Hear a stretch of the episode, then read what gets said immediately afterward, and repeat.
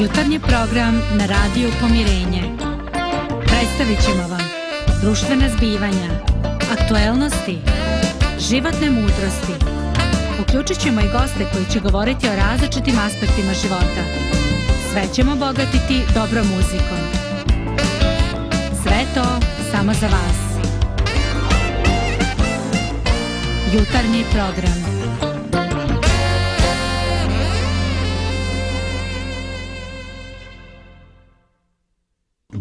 Životu imamo mnoge situacije u kojima imamo dobre namjere. Faktički mi imamo želje. I onda kažemo, eto šta ja znam, ovaj, počet da se krećem, da šećam, da treniram, ovaj, počet ću da se malo da slikam, e, krenut ću u ribolov i šta ja znam, mnoštvo takvih stvari koje nam se čine pozitivne, kreativne i htjeli bismo s njima ovaj, e, obogatimo naš život. Ali umjesto da to radimo, šta mi? Mi to zbog nekog razloga odlažemo.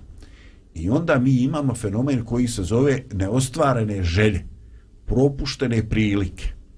E, ima li nešto što ste vas dvoje u nekom bliskom ili daljem vremenu željeli, činilo vam se kao dobitna kombinacija, a jednostavno, evo, danas ću, sutra ću i, i ne ostvarite to. Ima kod mene da naučim nekoliko vrsta ovaj, muzičkih instrumenta da sviram i to je sve bilo, ma neka, ajde, ajde iduće sedmice, ajde idućeg mjeseca, ajde kad ovo, ajde kupit ću ovaj instrument kad budem imala novca, ajde ovo ili ono i niko mi nije smetao u mojim tim neostvarim ženama osim mene i mojih odluka. Mm, to je dobra stvar, ne možeš makar da se buniš. Bože, šta se nam ti spremio, vidim neki zamjerenički smijeh pa ne znam, ja, ja, ja u životu nemam ništa što sam, što sam želio, a da to nisam uradio. Ovaj, prosto ne mogu ni da razumijem ljude koji nešto žele, a to ne urade. Znači sve što sam u životu želio, šta god sam želio da radim, šta god sam želio da ostvarim, to sam i pokušao da ostvarim i uglavnom većinu toga sam i uspio da ostvarim. Tako da ne mogu da kažem da imam žaljenje zbog nečega što nešto nisam ostvario što sam želio. U čovače, blago tebi. Dakle, ti si definitivno dobro organizovan u glavi. Evo ja, ovaj, ja sam bliži Dragan. Ja imam stvari koje ne uspijevam da se organizujem. Dakle, svaki put kad dođe decembar, kad dođe januar kao sada, ja pravim divne planove kako ću u ovoj godini makar dva puta, tri puta otići na pecanje i kako ću da opustim živce i kako ću da uživam. I onda kad polako ševa mahne repom, kad se temperatura popravi, kad to stvarno bude izvodljivo bez opasnosti da bubrege prehladiš, e onda ja imam onaj problem, danas ću, sutra ću nešto drugo je preče. I onda počinjem da se budim, počinjem da sam nezadovoljan i onda shvatim da sam imao da je godina prošla, a da je bilo tek nekoliko tih baš popodneva koje sam uspio da posvetim e, sebi da, na taj način koji za mene znači ovaj da da ih ostvarim. No, e, malo sam se raspričao, ajde, kolege će da mi oproste, idemo malo da slušamo i neku muzičku tačku.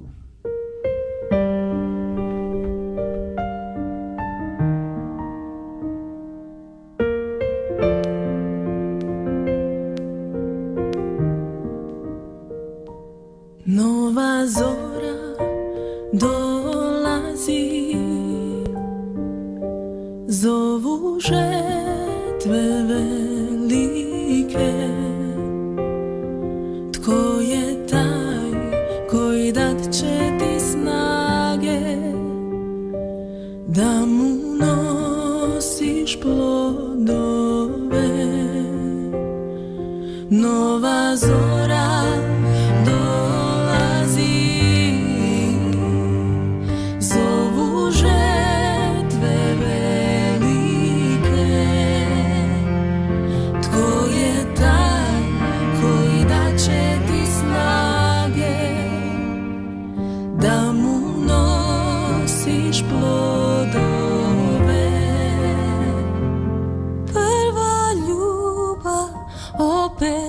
Te zove da ti krila podigne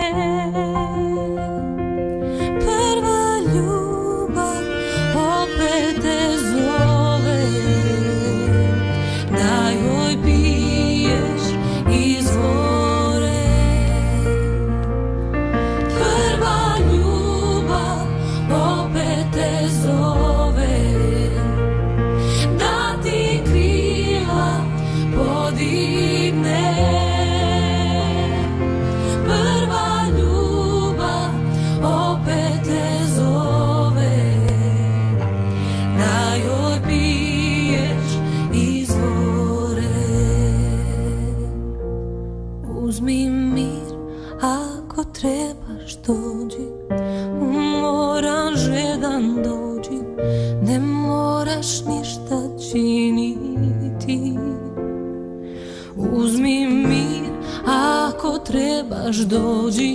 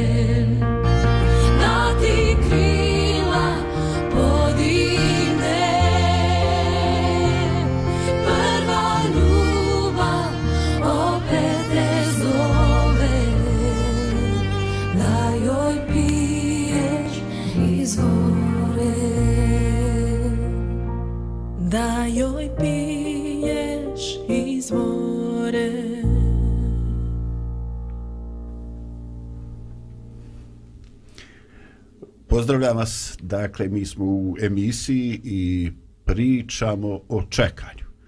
O čekanju koje je ponekad izvano našom odlukom, a ponekad je to su neki uslovi, nešto na što ne možemo uticati. Interesantno je kad e, kad se priča sa ljudima koji rade u raznim sanatorijima i koji su u prilici da pričaju sa ljudima e, koji su na samome kraju svoga života onda sam čitao neka istraživanja koja kažu šta je to za čim najviše žale ljudi koji su na samrti. A, ovaj, ja ne znam da li ste vi bili u prilici da čitate te izvore, ali ovaj, e, bilo da jeste i nis, ili niste. Šta mislite? E, kakva su vaša predviđanja? Šta mislite e, za čim žale ljudi? E, šta su to izgubili, šta to nisu ostvarili, e, šta su to čekali, šta je nepovratno izgubljeno. Pa dobro, ja siguran sam da niko ne žali zato što nije zaradio više para ili zato što nije sagradio veće kuće.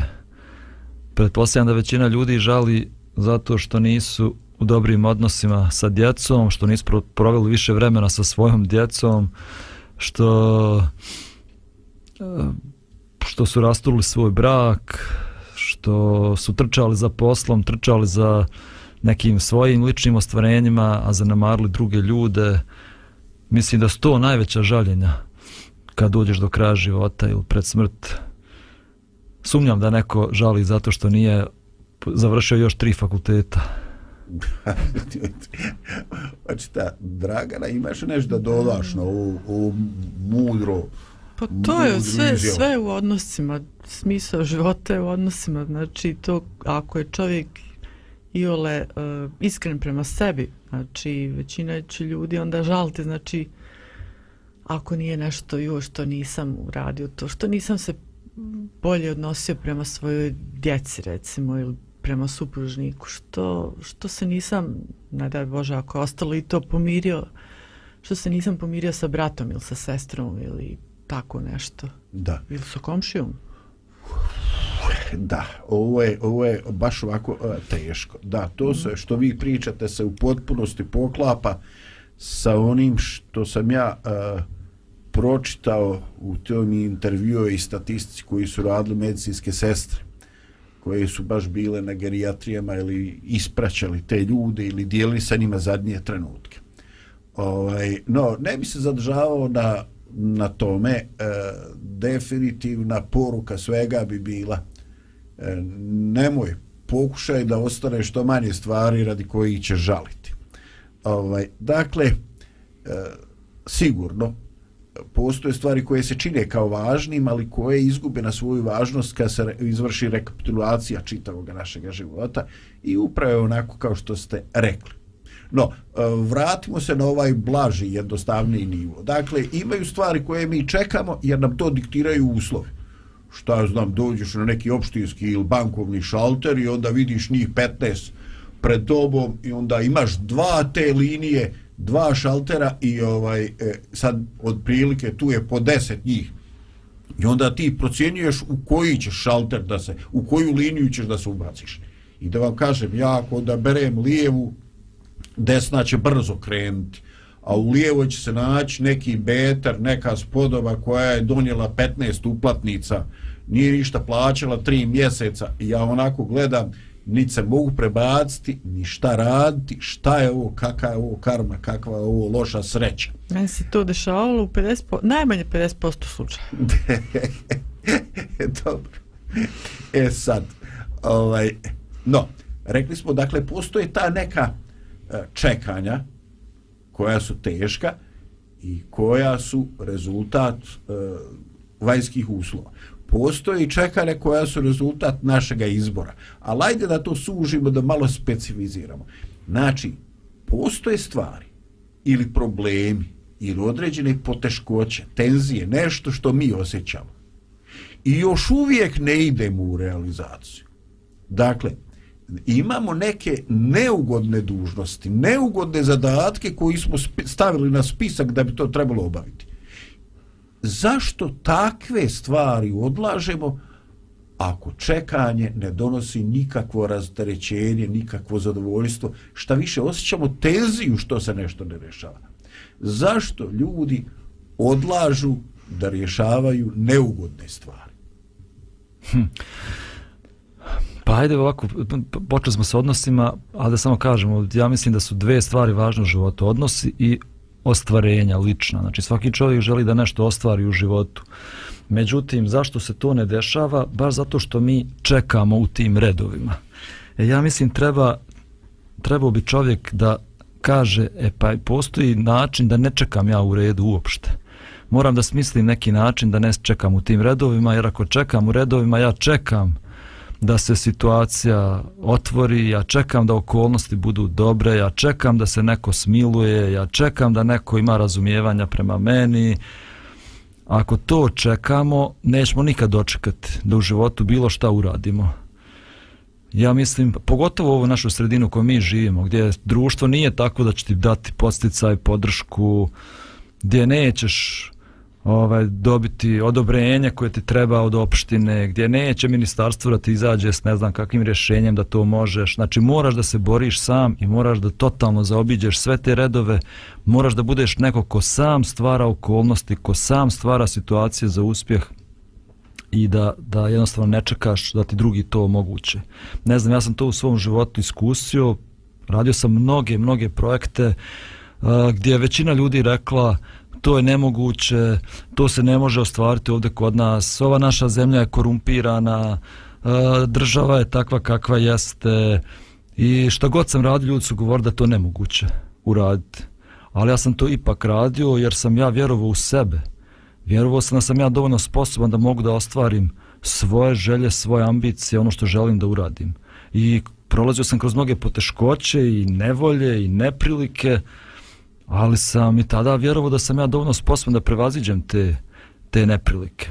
Pogotovo što sam što sam vjerovao da nisam sam u svemu tome što radim, nego da imam neku nadprirodnu silu koja mi pomaže u svemu tome. Tako da sam se oslanjajući na Boga radio sve što sam radio u životu i nisam gledao na, na prepreke, nisam gledao na neprilike, niti sam čekao da se situacija otvori da bi ja to mogu da uradim.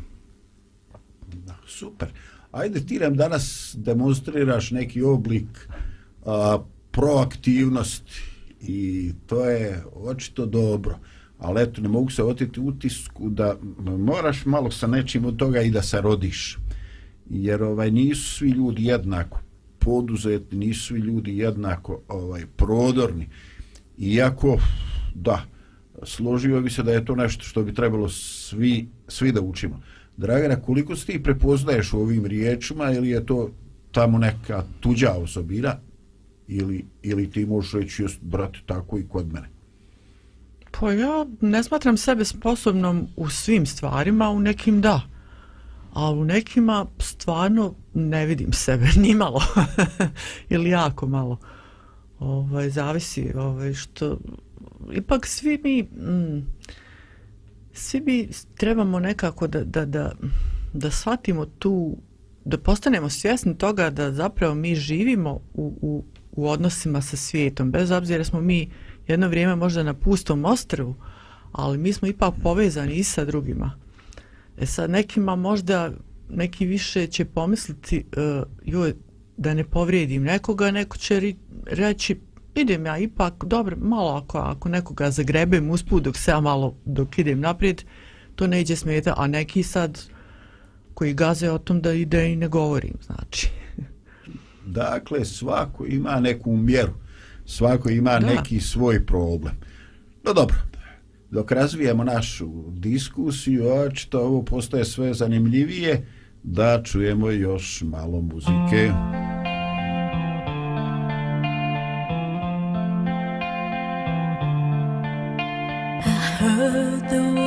a secret chord that David played and it pleased the Lord. But you don't really care for music do ya?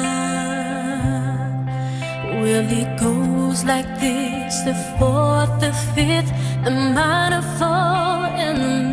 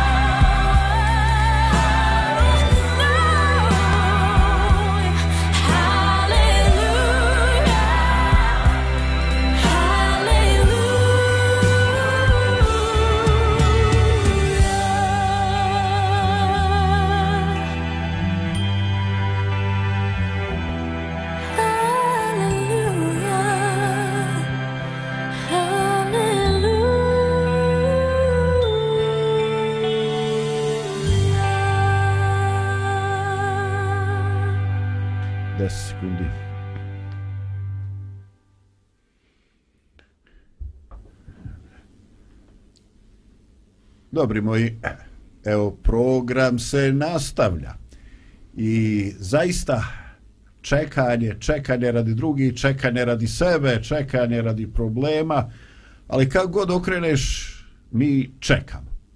Ima još jedno čekanje koje nazivamo takozvano očekivanje od ljudi. I svi se sjećate one kultne scene ovaj iz filma gdje je glumac češlja se i kaže ja sam svoju dužnost ispunio. Mene ako se sete za dan bezbjednosti, sete, ako ne, eto ja sam uradio ono što je bilo potrebno. Međutim, uh, mene se nisu sjećali iz, iz ovaj bezbednosti, ali uh, sam se suočio s jednim fenomenom. Uh, žene su sklone da imaju takva očekivanja. I nama muškarcima se čine da one previše očekuju eto da se mi sjećamo ovaj ne samo rođendana nego eto eh, pa zar nemaš osjećaj kaže ona eh, da je to trebalo? Pa zar nemaš osjećaj? I onda ja gledam osjećam se krivim eto ako vidiš očito je da, eh, da očito je da nemam ovaj očito je da nemam osjećaj. Ali šta god kažeš razbiće se o glavu pogriješit ćeš eto e, da li mi previše očekujemo od ljudi ili su ljudi neosjetljivi? U čemu je naš problem?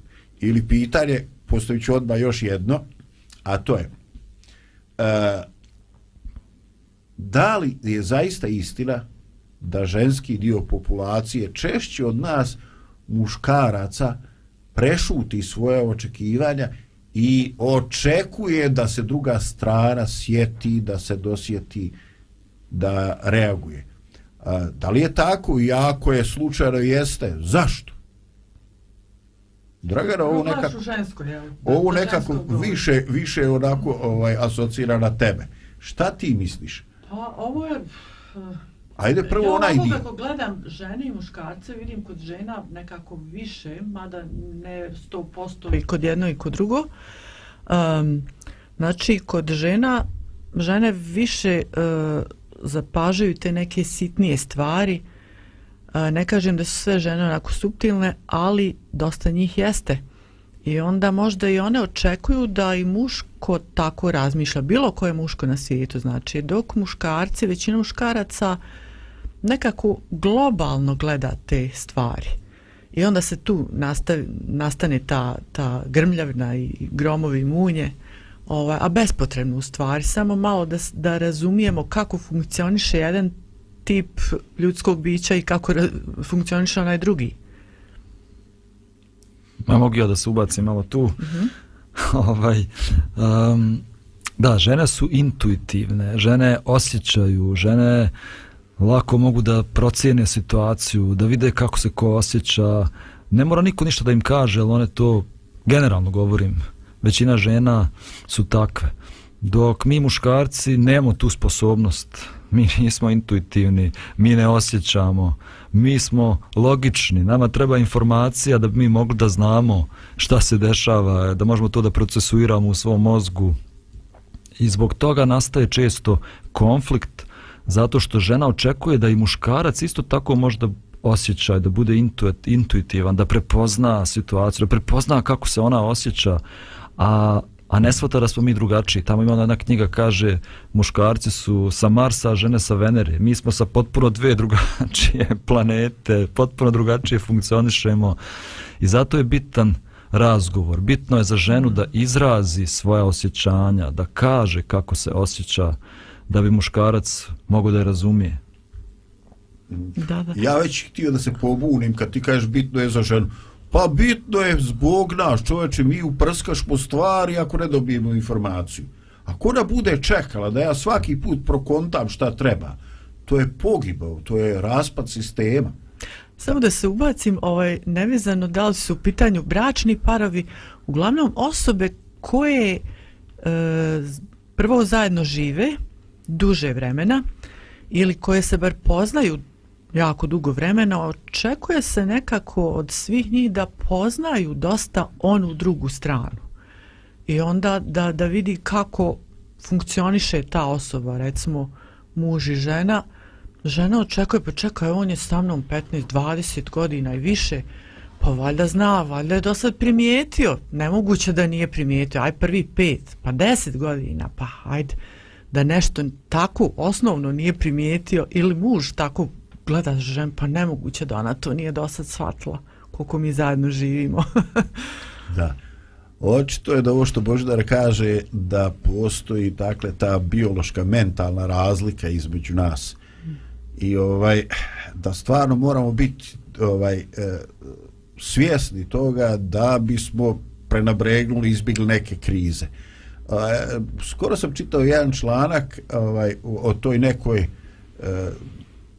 senzibilnosti žena i pokušaja muškaraca da budu logični.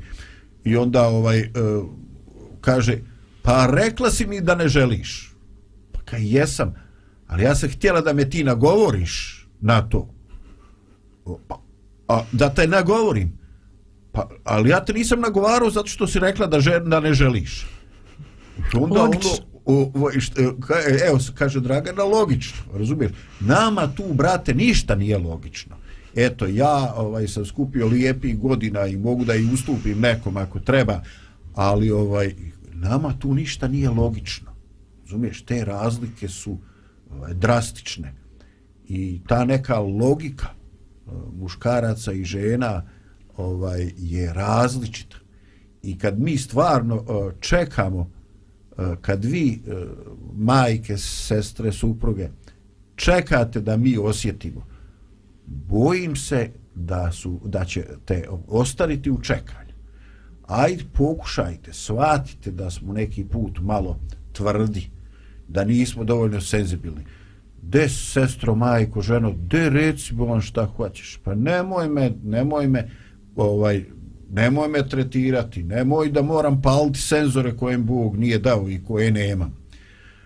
Uh, baš smo se suočili s problemom, No, Dobro, ajde, ja moram isto malo da, da sad tu odbranim malo žene, ispade kao da su žene glavni krivac u svemu tome, a mi muškarci smo uglavnom nezainteresovani za život žene, za njene potrebe, za njena osjećanja, nikad se ne udubimo ovaj, u sve to, nego ajde usput, reci mi usput šta ti treba, šta, šta te zanima, kako se osjećaš, nije mi potpuno, nije mi baš ni briga puno, ali eto, ajde. Ovaj, mislim kad bismo mi malo više imali želju da razumijemo ženu, da se da uđemo u njen život, da da joj budemo stvarna podrška u životu, da bi to bilo drugačije. Da bismo mogli više da prepoznamo. Ponekad mi se fokusiramo na ponašanje, ali ponašanje je često posljedica osjećanja. E, a mi tumačimo to ponašanje, a da ne uzmemo u obzir kako se žena osjeća ili zašto je došlo to ponašanje. I onda pravimo svoje slike, zašto ona se tako ponaša, zašto ona to radi, stvorimo neku svoju predođbu koja uopšte nije, nije realna, nije istinita. Zato mislim jako je važan razgovor, ali jedan iskren, otvoren razgovor, želja da razumijemo jedni druge. A često se dogodi da nema tog razgovora, nego mi imamo te neke svoje slike, svoje predođbe, zašto se neko ponaša tako, čekam da se da ona shvati, ona čeka da ja shvatim ili da se ja promili, ja čekam da ona prva dođe meni, ona čeka da ja prvi dođem njoj. I tako odnosi zamru, čekajući čekajući da drugi nešto neko preduzme, čekajući da se neko drugi promijeni. Baš Scott Peck piše o tome uh, tunel haosa. Znači potrebno je nekad u braku ili bilo kakvom odnosu, prijateljstvu, ući u taj tunel haosa, reći sve što ima, otkopati sve rane, govoriti o svim tim teškim stvarima da bi odnos mogao da nastavi dalje, da bi odnos mogao da se zacijeli. On čak govori da prijateljstva budu površna dok ne do, dožive neku krizu veliku, dok ne uđu taj tunel haosa, dok se ne posvađaju, dok se ne potučemo, znam, nećemo postati najbolji prijatelj dok se ne potučemo. Tako djeca obično funkcionišu, ali to je tako.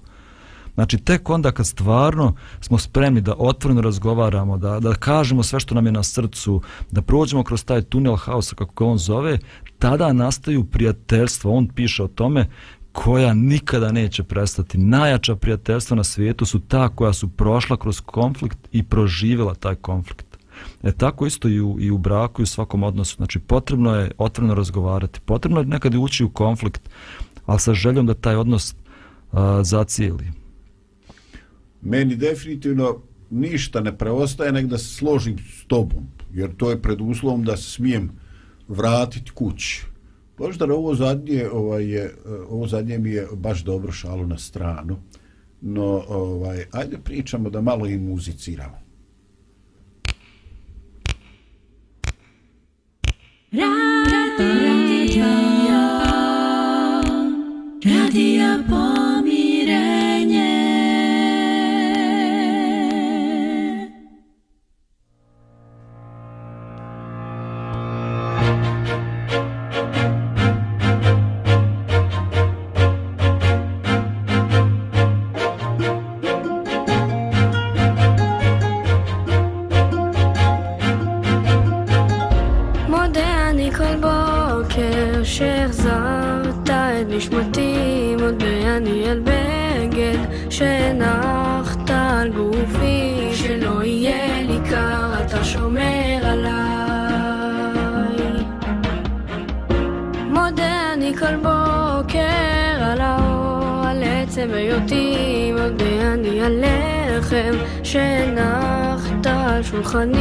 שלא אהיה רעב, שלא אדע כאב.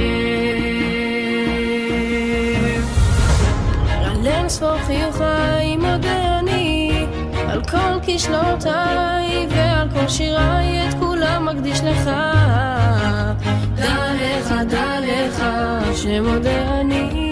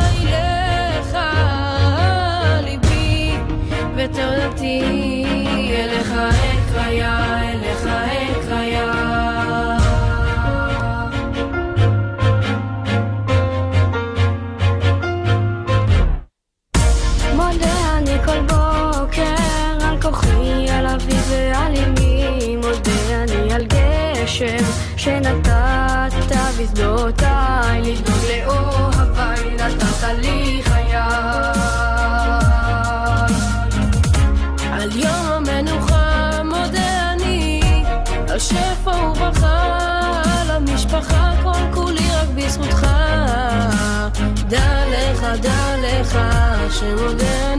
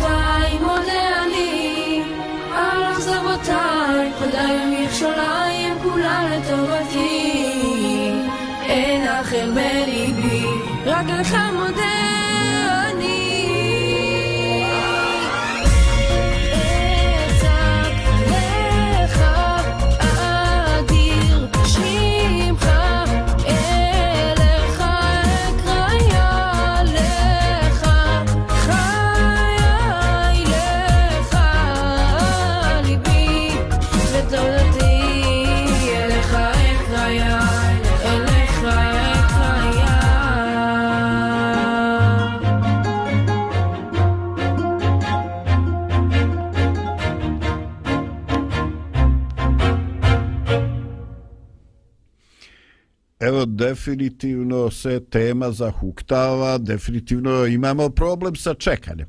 No, mi bi trebali ovdje da riješimo i e, čekanje u nekom ozbiljnom smislu. E, čuveni profesor Đuro Šušnjić kaže da jedna od žešćih manipulacija ili zloupotreba ljudskih odnosa je zaraziti čovjeka čekanjem. Dakle, čovjek koji je, ajde da kažem, zaražen čekanjem, on jednostavno vjeruje drugoj osobi, smatra da iako on ima problem, da će taj problem riješiti neko drugi i on e, ne čini ni ono što bi njemu bilo moguće da učini, ne traži rješenje, jer je ima povjerenje da će to neko drugi uraditi. A očito je da je u životu lakše obećati nego ispuniti. A taj neko ovaj može da ne ispuni očekivanja zato što je nemara, zato što je e, zaboravio ili jednostavno koristi prednost toga odnosa e, i povjerenja e, čak možda nikada nije ni planirao da nam uradi neku uslugu.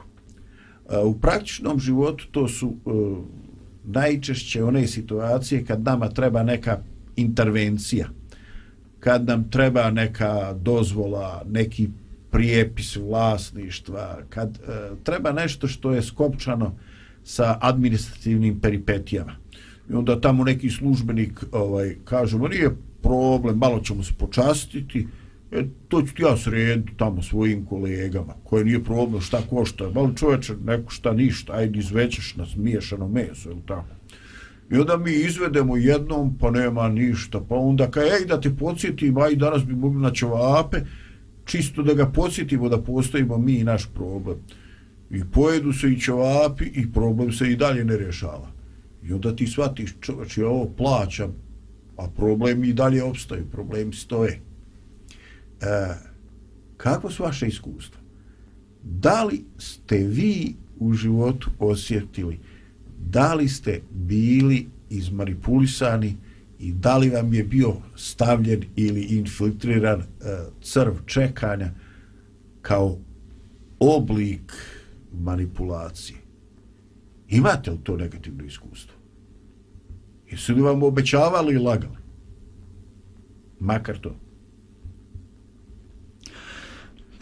Pa ne znam, ne sjećam se uopšte toga, ali rekao sam i na početku sam odgovarao na tvoja pitanja da neko, nisam ja neka osoba koja, koja čeka da drugi reaguju, da drugi nešto urade.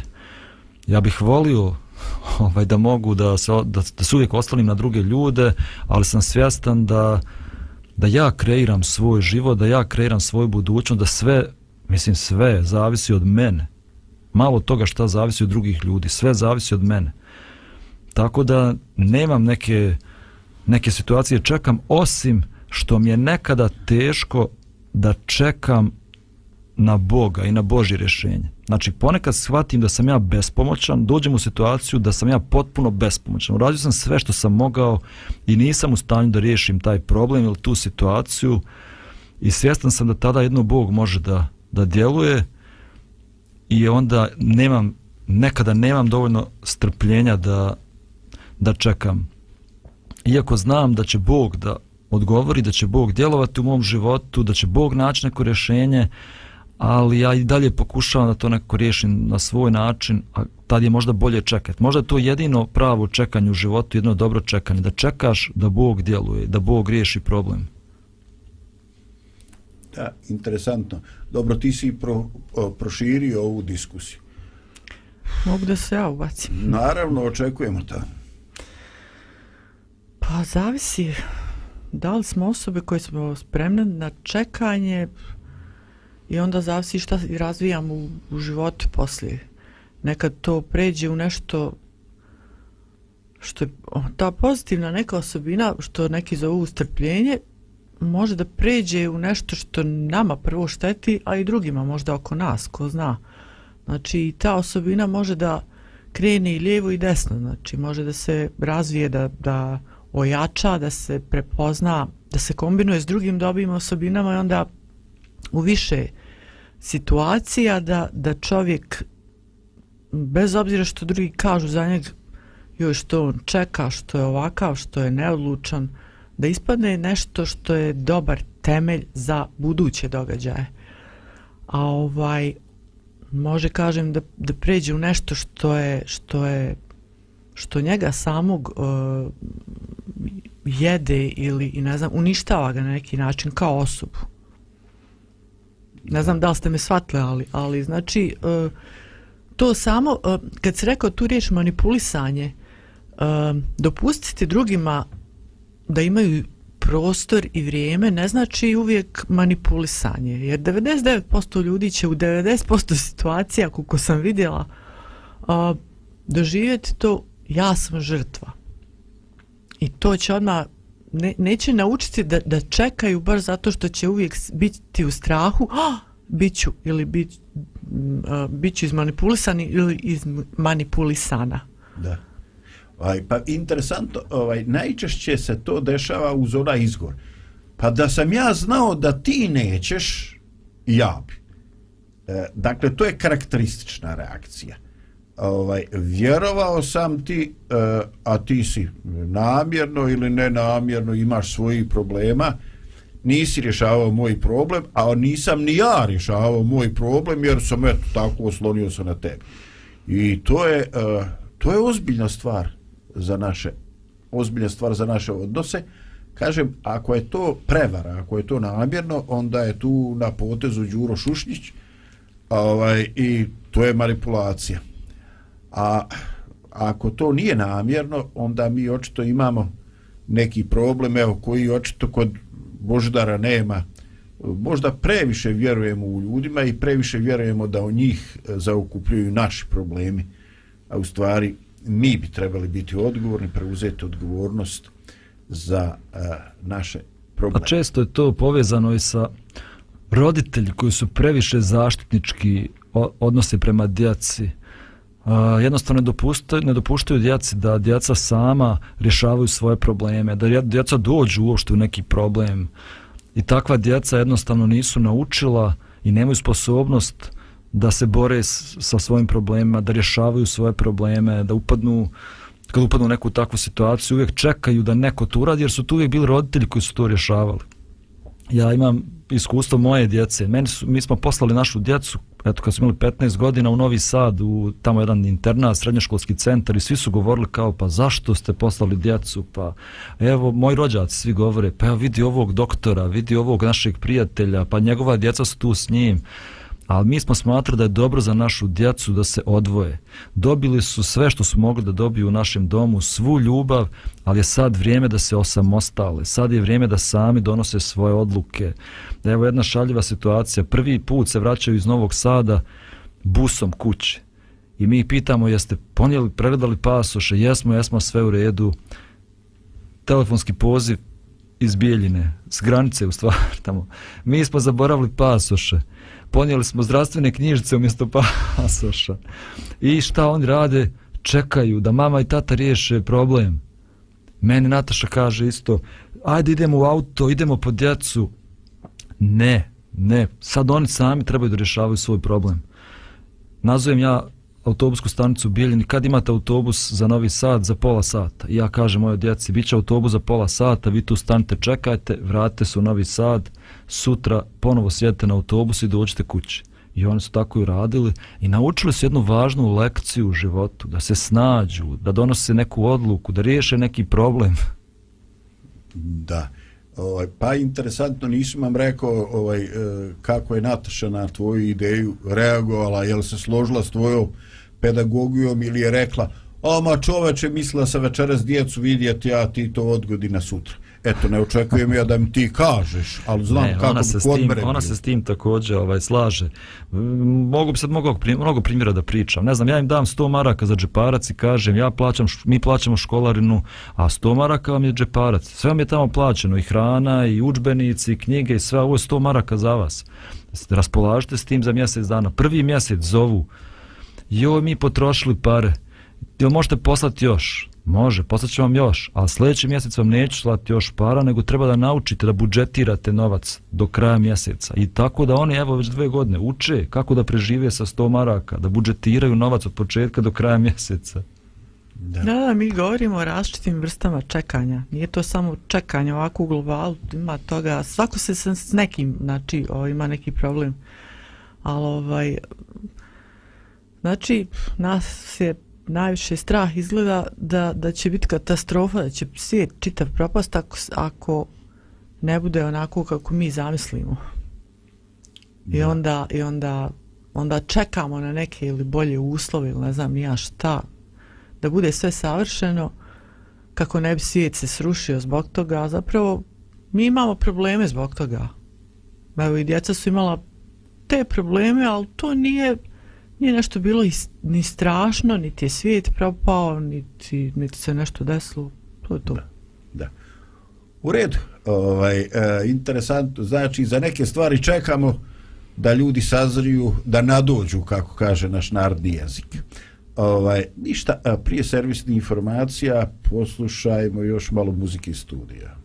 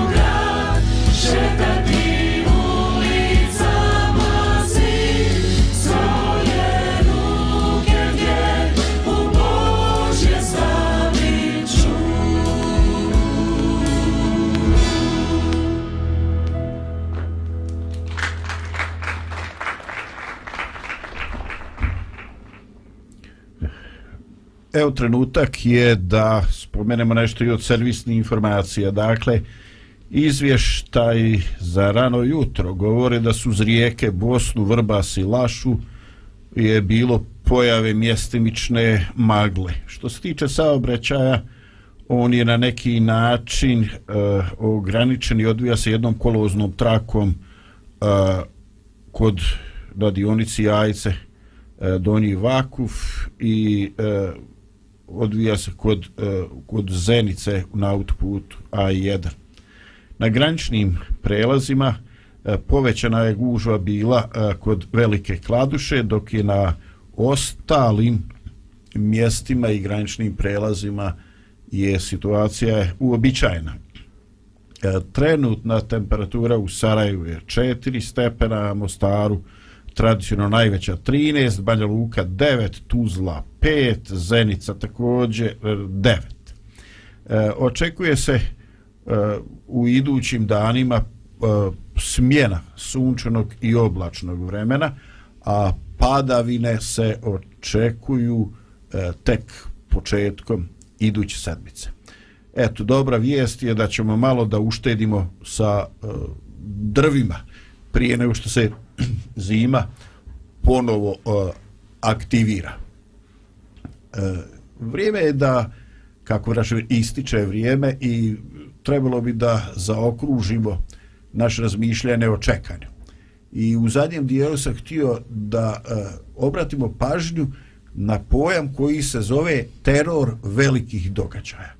I jedan od razloga zašto mi e, čekamo jeste e, upravo što e, imamo e, očekivanja. Mi želimo e, da e, nešto radimo posle nekog velikog događaja.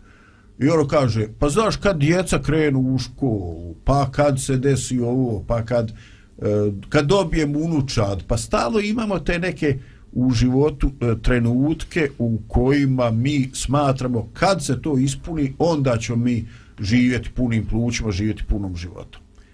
I jednostavno mi e, čekamo. Nažalost, e, čini se da je to razlog da mi izgubimo mnoge prilike. Da je to razlog e, zašto naše očekivanja ne ispune ne ispuni se ono što očekujemo. E, dakle, jednostavno živimo. E, pokušajmo da čekamo samo u situacijama kad ne možemo uticati. Kad je to nešto što je iznad nas. Čak i tada, kao Božidar, pokušajmo da učinimo ono što do nas stoji i da jednostavno živimo, da se ne dešavaju detalji koji će e, učiniti učiniti da jednostavno život prolazi u nekome čekanju. E, želim da vas pozdravim, da odjavim e, program i da vam poželim da vaš život bude što više ispunjen sadržajem, a što manje sa određenim praznim hodom i gubitkom vremena i života. E, pozdravljam vas i želim da vrijeme koje vam je ostalo korisno upotrebite.